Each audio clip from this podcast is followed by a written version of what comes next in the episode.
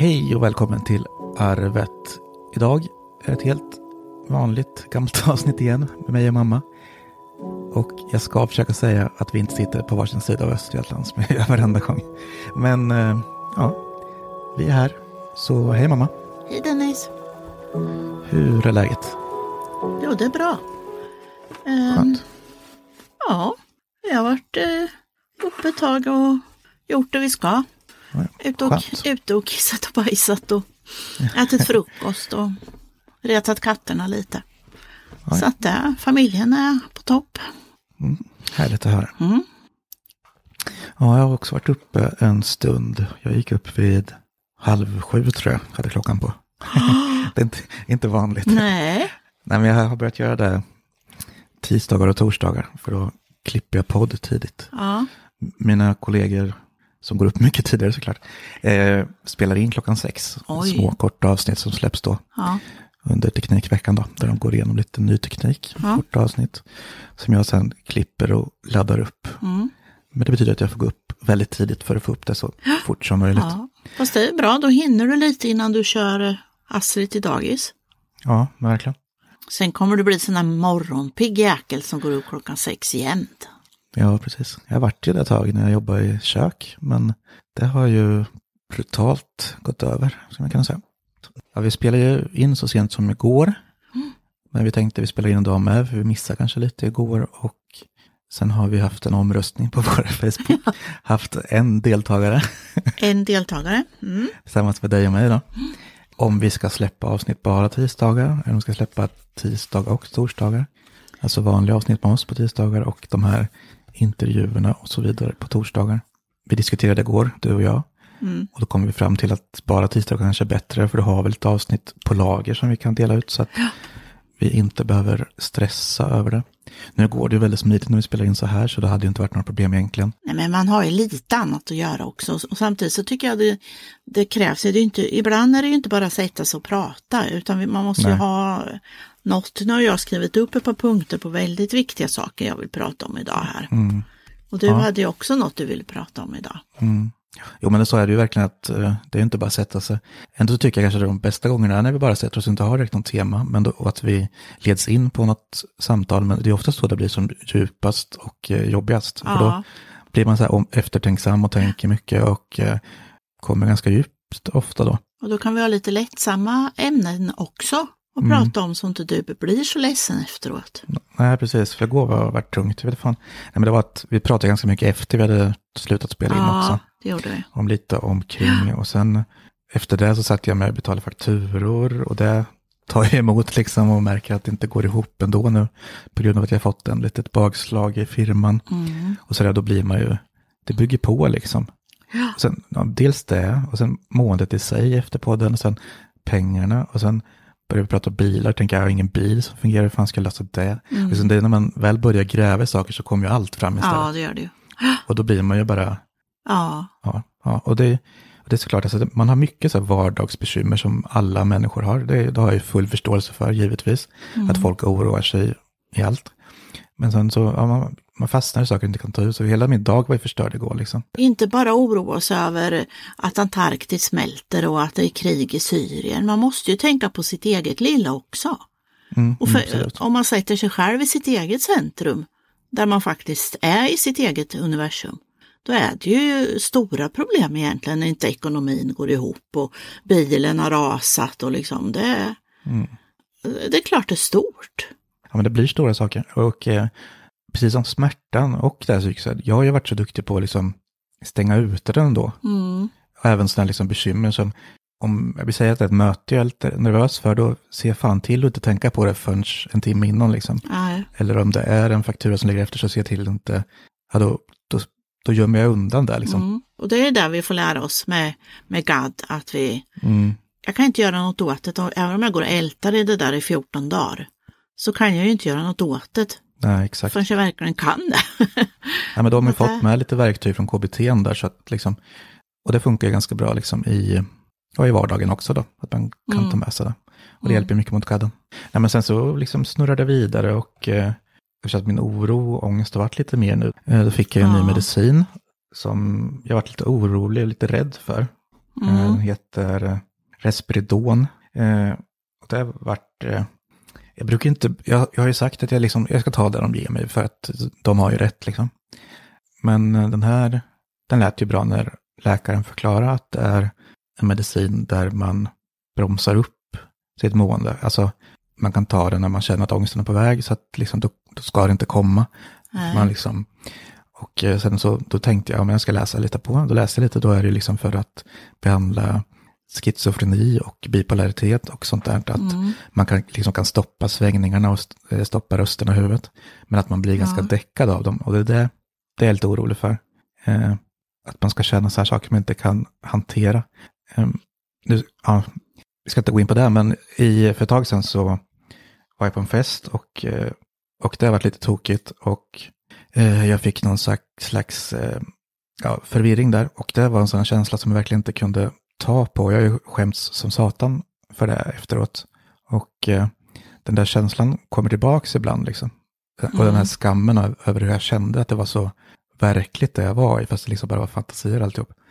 Och, och när jag läser på den här medicinen så får jag känslan av att det kan bli så. Att jag liksom blir ja. helt avstängd från ut, alltså den verkliga världen och Mm. lever i mig själv. Sen, det är säkert, Mm. det är bara någonting jag har tänkt på. Fast jag kan ju tänka, liksom, nu är det tredje kontakten du har på Mm. psyk där. Och eh, alla, det känns som att alla kör sitt race. Den första du hade sa att du skulle göra si och så. Och den andra sa att du skulle göra si och så. Och den tredje säger att du ska göra si och så. Och det blir ju liksom, det känns så godtyckligt på vad de, deras personliga åsikt. Istället för att liksom gå efter läkarboken. Nu har du fått diagnos att du har bipolär.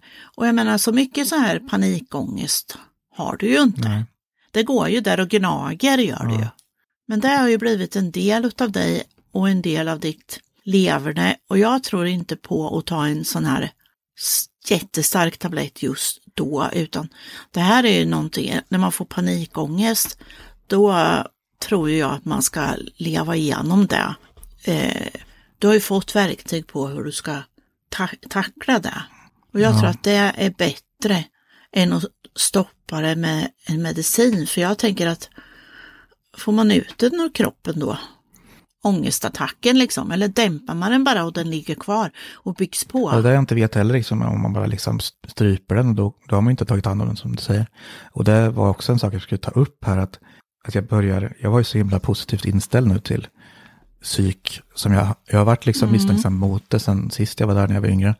Och som var så positivt inställd nu när jag fick komma tillbaks och fick gå i Linköping istället Ja. och fick liksom världens bästa psykolog, första där. Och eh, han hade ju ganska länge då, det var ett halvår eller lite till. Och kom väldigt bra överens, vi hade liksom samma intressen så Senaste gången var det mest att vi satt och pratade om annat, men ändå kom fram till Ja. mycket. Men sen slutade han och jag fick en ny. Eh, och han tyckte också väldigt bra, samma sak där, samma intressen och sådär. Vi liksom satt och pratade om hans Sonos högtalarsystem hemma och sånt där liksom man kommer in på. Eh, och, men det första liksom, han fokuserade på gadden och det var ju så självklart. Och eh, jag fick liksom här den första stabiliseraren som hjälpte väldigt mycket. Sen nästa, han såg ju direkt att jag var bipolär och ville gå på det spåret. Då fick jag en till stabiliserare, så jag äter två nu. Och de två gjorde ju verkligen kombinationen som gjorde att jag vart så mycket bättre. Alltså att jag vart Ja. så stabil med att jag inte sväng- svänger så mycket. Och att jag inte, ja men dalarna blir inte lika djupa liksom. Så det har hjälpt Ja. jättemycket. Eh, och sen nu, eller sen fick jag en, skulle jag tillbaka på återbesök och då var det bara så här medicinskt då för att följa upp det. Så då fick jag en tredje. Mm. Eh, och det var liksom bara så här specialläkare inom medicin som skulle liksom bedöma om jag skulle öka eller sådär. Eh, och det gjorde jag ju. Eh, och sen fick jag ett till återbesök nu till henne, den, den personen. Och eh, då kände jag så här, nej men, och det var, det var någon dum dag, så jag kände att nej, det här är dumt. Så jag, jag provade att få det på telefon och då fick jag det på digitalt så här över, så som vi pratar nu, över Skype typ. Ja. Men då var det ju inte hon där, då var det en annan, en fjärde person som tydligen hade tagit över efter min andra psykolog, som jag ändå gillar. Mm. Och det här var en helt annan man som var lite mer handfast, får man säga någonting. Bara sa, sa rakt ut vad han tyckte liksom. Och då, då sa han, då, då ville han typ liksom avfärda där vad min andra psykolog sa, vilket han tar över ifrån. Och det var ju han som verkligen satte det här bi- bipolär och sådär. Och att vi skulle reda ut det, nu har vi inte redat ut färdigt. Så jag, Ja, så nu vill han liksom bromsa upp det igen så att det inte blir någon riktig bipolär eh, utredning. Så han nu vill ge mig bara starka ångestpiller för att hålla det borta. Så då, och då blir jag så här, ja men då känns det som att jag tappade igen mellan stolarna. Det är som, exakt som jag var rädd, rädd för. För de Ja, då började, ja. då kände jag verkligen att det var punkt på väg. Och samtidigt gick jag till vårdcentralen på KBT. Men sen var jag kvar, klar med KBT, liksom, vi kunde inte Mm. göra så mycket mer tyckte vi. Jag slutade där. Och sen liksom fick jag byta psykolog Mm. igen. Och sen när jag komma tillbaka så får jag inte komma till psykologen, utan jag får bara komma till någon läkare. Som bara, det här tyckte jag var jobbigt, liksom, för jag vill ju att Ja. psykologen ska göra den bedömningen om jag ska gå upp eller inte. Eh, och sen får jag komma tillbaka till den här fjärde personen då, som, som vill gå på ett helt nytt spår i stort sett. Mm. Och det, är så här, alltså, det gör det ju inte bättre. Ja, nej, det känns ju, ja, jag tycker också det känns väldigt konstigt att, jag menar, de har samma utbildning, de borde se samma sak och sen har de så Mm. olika syn på. Så det känns lite som det ligger på mig nu helt plötsligt. Att, ja, men, och medicinerna där som jag fått hittills har ju hjälpt, jag är mycket mer stabil. Men nu liksom är det så här, är det upp till mig om jag ska, ska jag ta den här ångesttabletten eller vill jag inte det? Jag är ändå lite rädd för den så jag borde ju såklart inte göra det.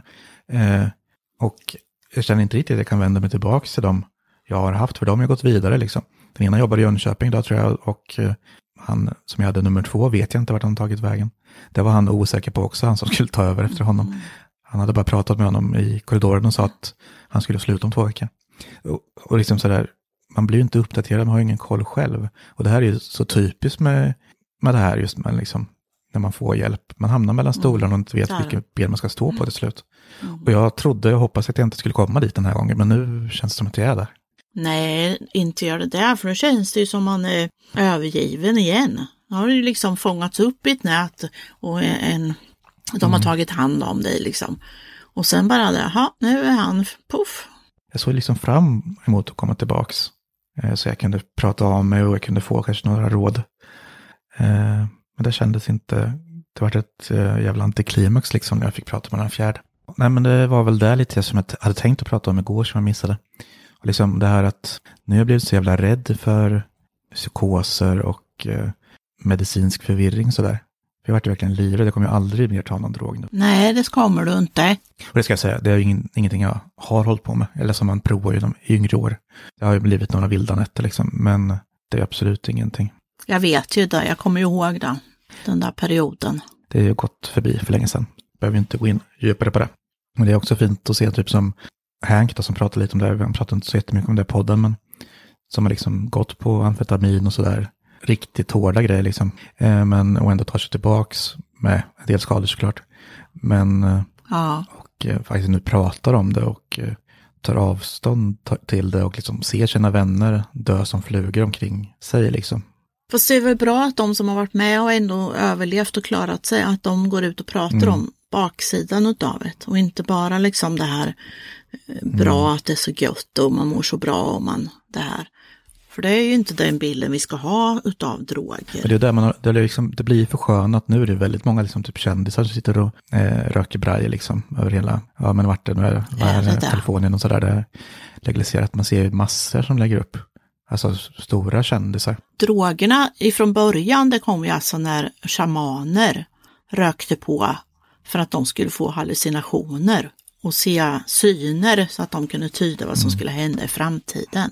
Och där vet inte jag hur mycket, hur mycket som stämde i framtiden ifrån deras... Eh, Det är farligt med det som är liksom kemiskt framtaget, till skillnad om man liksom ja, men röker lite cannabis eller tuggar lite kokablad. Eh, och det är liksom en sak, men jag vet ju som Rasmus, han som sjunger i avantgardet, han har ju varit eh, riktigt nere, han tog ju, vad fan heter det där? Som man typ kan ta i nässpray som är amfetamin. Eh, ja, skitsamma vad det heter, det är någonting i alla fall. Eh, och han eh, bodde i London en tid och liksom, det slutade ju med att han bodde på gatan liksom, sov under broar. Han kunde ju inte göra något annat liksom, än att jaga knark. Och han, eh, han sjunger ju mycket om det och berättar mycket om det. Ja men droger det är ju bara pista, kan vi komma fram till. Det var ju inte det här vi skulle komma in på. Det blir som vanligt att vi följer någon tråd vi plockar upp. nej men vi kan, vi kan väl prata om lite så här med utbrändhetens baksida är att man blir lite förvirrad och lite glömsk. Min man har ju glasögon då. Och han har, eh, och nu har inte vi hittat dem på tre dagar. Aj då. Så jag vet inte vart Nej. han har lagt dem.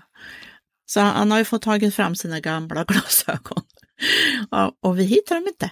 Inte en aning vart han har lagt dem. Och så, men de måste ligga vid datorn då. Nej, finns inga här. Ja, men inte, och så lägger han dem på köksbordet, men det finns inga där. Ja, jag tittar, jag lyft på kuddarna i soffan, ligger inga där heller. Vi får dra ut soffan och titta under. Ja, mm. så det har vi kvar att göra nu då, om de kanske har trillat ner. Så det är lite baksidan av utbrändhet och starr och så. Baksidan, finns, finns några framsidor? ja, att det är så skönt att sova. Du hade väl något om, vad sa du, kalsonger och trosor? Hur fan var det? ja, jag ska hålla en liten föreläsning om trosor vs kalsonger. Något som jag blir väldigt okay. irriterad på. Så här är det va. Trosor, de ska helst vara små och sexiga med små spetsar på som kliar och, och skaver. Ja, och det, sådana köper ju inte jag, utan jag köper stora bomullstrosor. Men fortfarande är det små kanter runt benen och magen som blir 14 dagar och två gånger i tumlaren så är de ju liksom svaj, svaj, mhm. svaj i resåren. Men nu var det så att i julas fick min man kalsonger i för liten storlek. Och jag tumlade ju allt, så de krympte ju lite till då.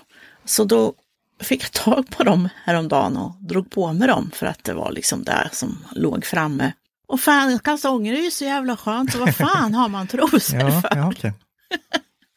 kalsonger har en så här 3-4 centimeter mm. resår upp till som varken rullar sig eller kasar ner.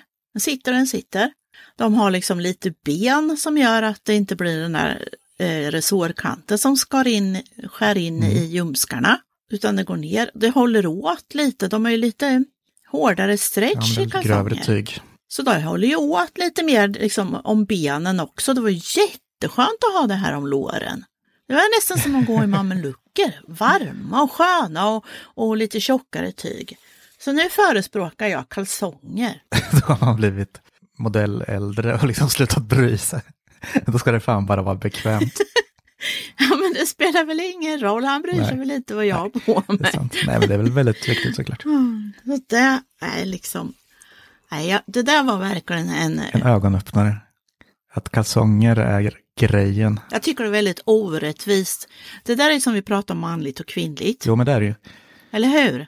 Varför ska kvinnliga, kvinnor ha obekväma spetstrosor för när män får ha väldigt mjuka, sköna eh, kalsonger med ordentlig mm. resår som jo, sitter det är lite för. knepigt egentligen att liksom kvinnor de måste vara sexigare och eh, ha smått och nätt på sig. Liksom. Jag menar trosor kan väl lika gärna vara, man säger som förr i tiden, då hade de ju så här rosa trosor i så här glattigt material. Det var ju långa ben och höga så de gick upp över mm. hela magen.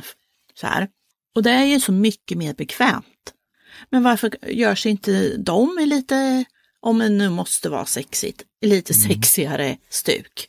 Det behöver ju inte vara så spets. Är spets något man tänder på som kar? Inget jag har märkt i alla fall. Ska jag ha spetsgardiner då, kunde någon gå omkring och vara lite ho, hela tiden. Ja, ja. kan vara mysigt. oh, jag har satt upp spetsgardiner i sovrummet. Nej, vi har ju inte ens spetsgardiner där, vi har ju alltså mörkbruna sammetsgardiner mm. i sovrummet. Det blir man ju inte vrålkåt av direkt. Inte direkt, men jag tycker det är väldigt skönt. Ja, ja, då så. tycker det är snyggt tycker jag. Ja, men då har vi bokat av några ämnen då, både högt och lågt och eh... vi kanske skulle ha tagit lite, lite jobbigt, lite glatt, lite jobbigt, lite glatt. Nu vart det lite jobbigt mm. och sen allt glatt. Vi har inget mer jobbigt vi ska prata om då. Nej men ja, jag har ju svårt för de där vändningarna märker jag. Jag blir, när jag väl gått in på the dark side så att säga så har jag svårt att vända det. Jag tyckte det var lite um, otäck, fin, konstig lista du skickade till mig igår. Om kändisar och så mm. som tagit livet av sig. Ja, men jag tänker på det. Eller, det där första bilden la upp med nio kändisar. Den såg jag bara i något flöde någonstans och spara. Mm. Och gjorde om den lite för arvets räkning. Eh, och det fick mig att tänka liksom att mm. det är så många komiker och artister och liksom sådana som alltid utåt har varit superduper alltså verkar må jättebra men verkligen må skit. Mm. Som man liksom inte har tänkt på. För, alltså, jag vet inte varför jag är så skakad av uh, Mac Miller, det är en, en uh, amerikansk hiphoppare från uh, Philadelphia. Som jag har lyssnat på i många, många år. Anledningen till att jag har gillat honom är att han gör liksom glad hiphop. Det är liksom inte så här gangsterhiphop. Mm. Det är mm. liksom ganska glada toner och lite klämkäckt sådär emellanåt. Och är så jävla duktig och rappar snabbt och sådär som jag gillar. Och sen, sen vet jag att han hade lite stökigt för han var ihop med den här eh, Ariana Grande, sångerskan. Och de gjorde Mhm. slut och lite sådär. Så jag vet ju att han var låg. Liksom, det var då det började spridas att han mådde lite sämre. Och sen tog han ju livet av sig med en överdos.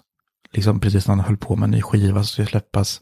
Och sådär. Och jag vart, jag vart jätteledsen av det. Jag vet inte varför. Men alltså, för det är ingen så här jättenära.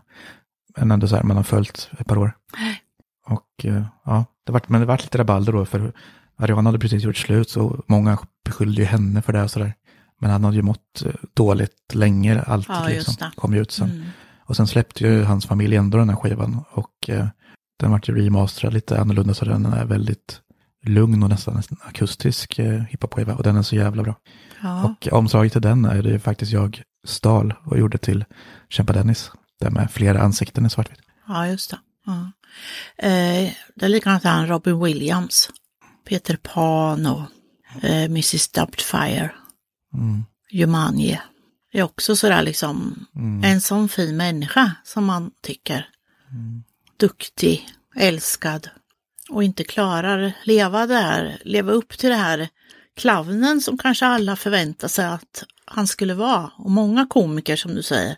Jag tror det liksom blir att det slår över för då måste man liksom, man måste liksom hävda att man är glad och då kanske man blir en rolig jävel liksom får man so- fortsätta på den banan. Men där bakom finns ju alltid det här samma.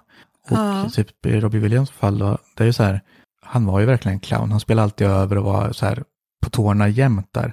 Och jag kan bli typ så här orolig när jag ser, vad heter han, Per, heter han Per Andersson?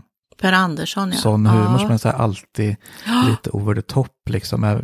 Vilket program han än är med i där han egentligen typ borde vara lugn så spårar han ut liksom. Och där känner jag, det är så här Robbie Williams typ, tänk om han verkligen mår skit. Det har inte jag en aning om. Som Svullo. Ja men han har precis full med. Jag såg den där dokumentären om Svullo och det där är ju verkligen det här att man inte att folk bildar en uppfattning om en och så försöker man leva upp till det. Och så när man stänger dörren om sig så är man bara Fy fan, jag orkar inte mer. Mm. Och sen när man kommer utanför dörren och kanske visar sitt jag så kommer från, vad är det med dig? Vad är det med dig? Mm. Är du sur eller vad är det med dig? Och då orkar man inte med det heller för då måste man ju kanske börja förklara sig. Och det är nog jättejobbigt när man har den här eh, stämpeln på sig att man ska vara så jävla rolig. Ja men det där är ju sorgligt. Men för i Svullos fall så var det väl lite så här extremt. Men för han har ju försökt länge att bli skådespelare. Sen slår han igenom med Svullo.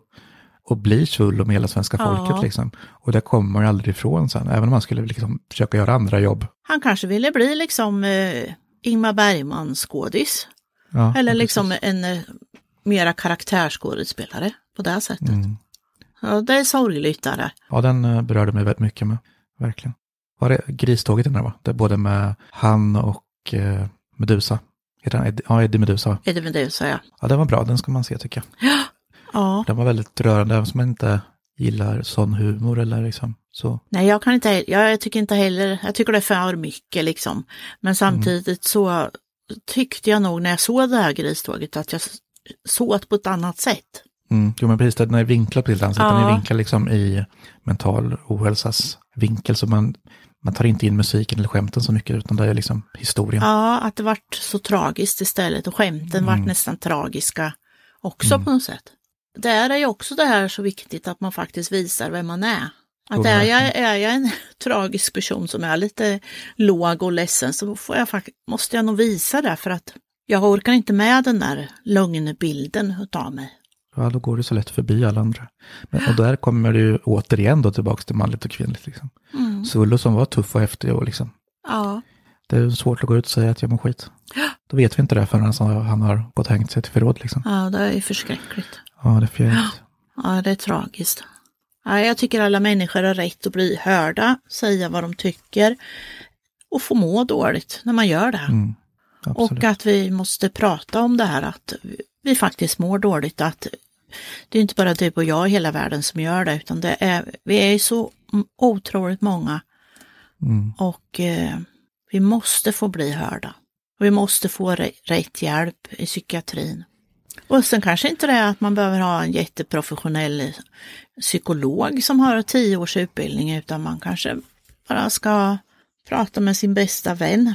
hitta någon som vill lyssna bara. Ja, och ibland kanske man ska messa med någon för att man kanske inte orkar prata men man kan ju orka skriva kanske. Det vet jag själv i tonåren, liksom, när man började chatta mycket med folk, då kunde man komma in på sånt där ganska snabbt. Då. Men eh, det är inte samma klimat idag heller, även så på nätet liksom. Nej, det är så här mycket influenser som ska vara så jävla snygga och bra och allting. Jag kanske skulle lägga upp bild på mig på min Insta i mina kalsonger. Ja, varför inte? Kör hårt. Stina Wolter och jag. Mm. Jag kan lägga upp när jag satt naken och klippte podd i morse. Alltså la du upp det på fejan på Insta? Nej, jag har inte gjort det. Jag skickade Nej, bara du till skickar bara det till mig. den närmsta sörjande. Men då tackar vi väl för idag. Vi gör det, tycker jag. Mm-mm. Men eh, vi ses och hörs och det gör vi allihop. Allihop, vi allihop. Ja, Ni får jättegärna skriva på arvet om, om det är så att ni känner att ni vill ha ur er någonting som är jobbigt. självklart. Vi är inga proffs men vi har ju öron. Hej med er då. Puss och kram. Hej då. Puss och kram. Hej då.